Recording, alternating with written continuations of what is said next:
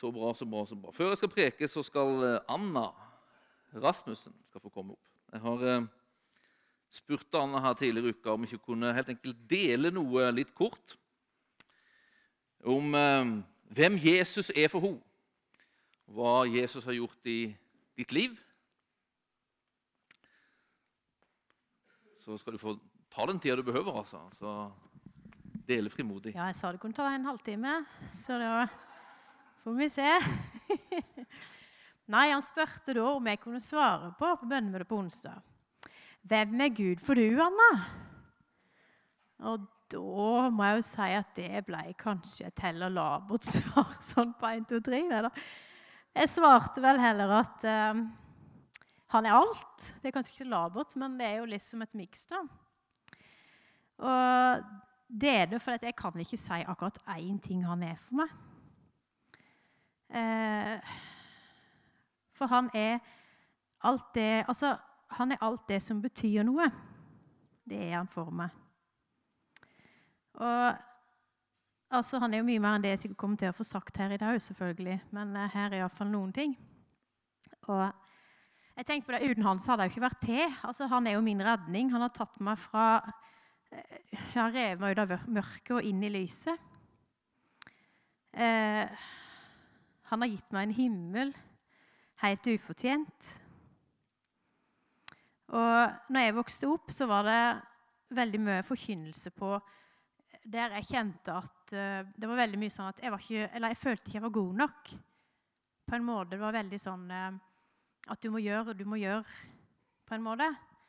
At jeg ja, tenkte liksom at uh, Jeg så på alle andre og tenkte at det herre kan ikke jeg nå opp til, på en måte. Men samtidig, for jeg visste jo det at Jesus hadde dødd for oss, men det var alltid det derre du må, du må, eller Ja. Men så vet jeg jo det at, eh, at det Jesus har gjort, det er nok for meg. Og derfor er jo Jesus alt. Han har jo gitt meg en himmel, rett og slett. Han har gitt meg et liv. Og jeg har tenkt på det for de som ikke har Jesus. Så jeg har tenkt på det at det må jo være så uh, utrolig tomt. Altså, Henne skal en gå hen når en trenger hjelp. Og skal en gå til? Jeg har jo alltid han. Jeg kan søke hjelp hos han. Og i hans ord så er jo, altså, hans ord så er jo alles, alt av svar. Selv om det ikke bestandig er lett å finne. Men i hans ord og gjennom hans folk, holdt jeg på å si, de kristne, så kan en få hjelp. Og det tenker jeg også at Han har gitt meg en menighet, og han har gitt meg utrolig gode venner. Eh, jeg har både kristne og ikke-kristne venner, men, eh, men, det å ha de der veldig nære kristne vennene som står på på Guds ord, når en kanskje rakner alle veier rundt omkring og kanskje tenker, altså Det en leser, kan en av og til en kan kanskje falle i så mange ting at, at en ikke ser helt klart hva egentlig Guds ord nå. Så kan eh, de gode vennene som en har, som tror på Guds ord og står på det, de, de kan veilede meg. Nei, sånn er det. Og selvfølgelig er det sånn. Da ser jeg klart igjen. Og sånn er det så godt òg. Han har gitt meg vennene mine, de gode, gode vennene. Og så har han gitt meg menigheten, der en kan komme her og få forbønn og få hjelp. Og, ja. og det er et meningsfullt liv gjennom den eh, gleden jeg får i han da, av den hjelpa. Og når jeg kommer til han, så kjenner jeg bare det at han kan fylle meg med glede som jeg ikke kan få noen andre vei. Så han er min glede. Og han er alltid trofast. Jeg, jeg trenger ikke å tvile på det. Han er jo alltid der. Han er alltid trofast. Og noen ganger så er det sånn at hvis f.eks. jeg og mannen har krangla litt, da Det hender jo mye av det. Og da er det sånn at jeg tenker at uh, Noen ganger så bare vet jeg at jeg har rett. Men uh, så tenker jeg Ja, Noen ganger så vet dere kanskje ikke har så rett, men i alle fall, som av og til så tenker jeg når det er en krangel som er i gang, så tenker jeg ok, nå går jeg litt til sides og ber litt og sånn, så er det utrolig nok så irriterende, for så kommer jeg derfra eh, med en mye mykere side. Jeg har bøyd meg ned.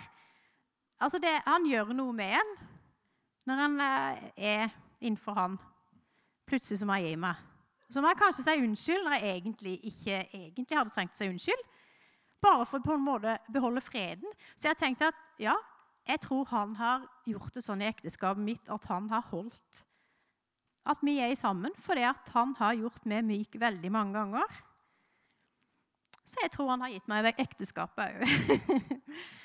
så, eh, så vet jeg jo det, og i sånne ting som er irriterende på en måte å gi seg på, så, så vet jeg det at han vil jo alltid gi oss eh, det beste.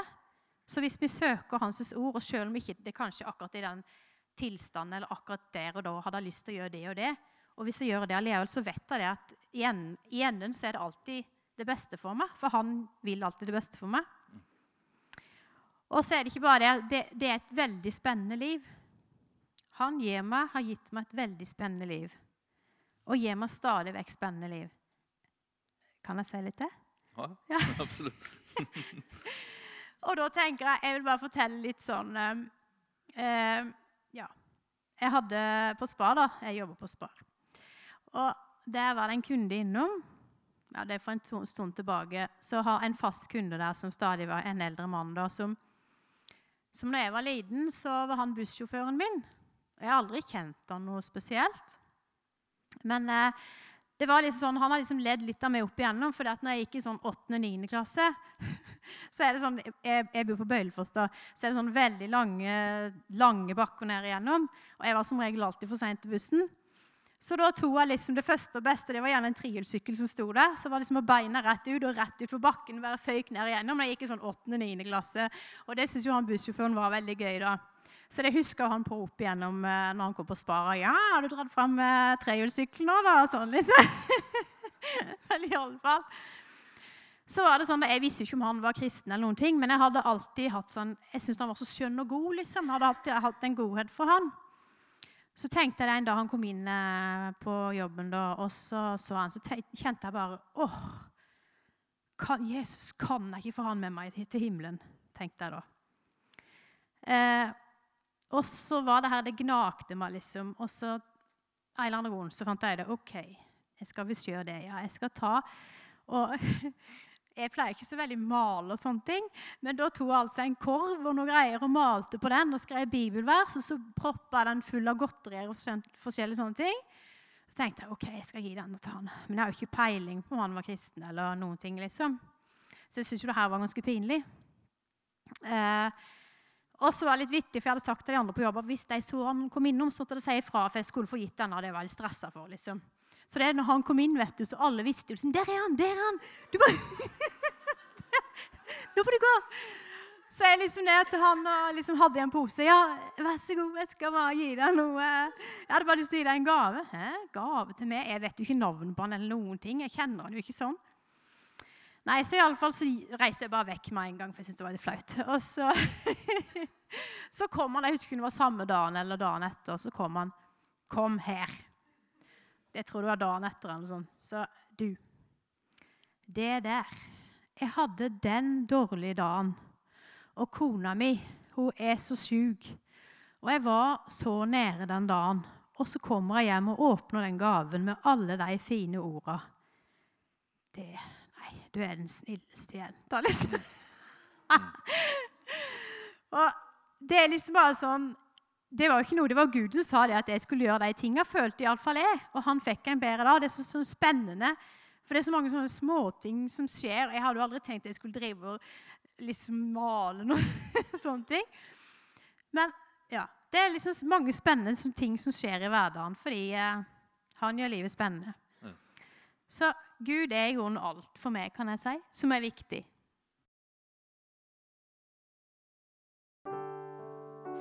Jeg må jo si litt til. Jeg var ikke helt ferdig i stad. um, angående den bussjåføren da. Jeg fikk liksom ikke sagt ferdig, for jeg var litt nervøs. Men uh, uh, det som var, var det Jeg fikk mange samtaler med han der mannen her i ettertid. Og eh, han begynte å tenke veldig på tro og sånn. Jeg vet ikke åssen det egentlig endte med han. Eh, men jeg vet at han eh, begynte virkelig å tenke på det. Men på en måte det, Jeg tenkte på det at vi er jo veldig bri, viktige brikker for Gud. Og om liksom ikke vi kom, ser resultatet, så kan det godt være at vi er en veldig viktig brikke til resultatet. Eh, så vil jeg bare fortelle om en ting til som skjedde i sommer. Så var det nok en kunde Det er mye som skjer på Spar. og han hadde bare et par måneder igjen å leve. Og da fikk selvfølgelig jeg noe sånn der hjerteklapp igjen. At nå måtte jeg til eh, male litt igjen, da. Eh, jeg malte men jeg hadde et gammelt bilde der eh, jeg har malt tre kors med på en måte Jesus i midten av de to røverne. Eh, og så har jeg bare malt det med at eh, Ja, det med at han ene røveren sier at 'tenk på meg når du kommer inn i ditt rike eller paradis'.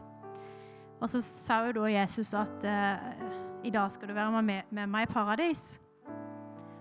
Og da fikk selvfølgelig jeg for meg at det skulle jeg gi han da, så skrive et brev og noe greier. Og så, så var det bare to, to, uker etterpå, så døde han. Og jeg vet jo ikke noe mer om han eh, tenkte på det. Men jeg tenker at eh, hvis du kjenner at du skal gjøre noe for noen, så bare gjør det istedenfor å tenke i ettertid at eh, det skulle du kanskje ha gjort, og det treier du på. Ja, Så, så syns jeg det er veldig godt å høre andre fortelle ting som de har opplevd, for det er veldig oppmuntrende. Så hvis du sitter der og tenker at du skal hoppe opp eller ikke, så gjør det.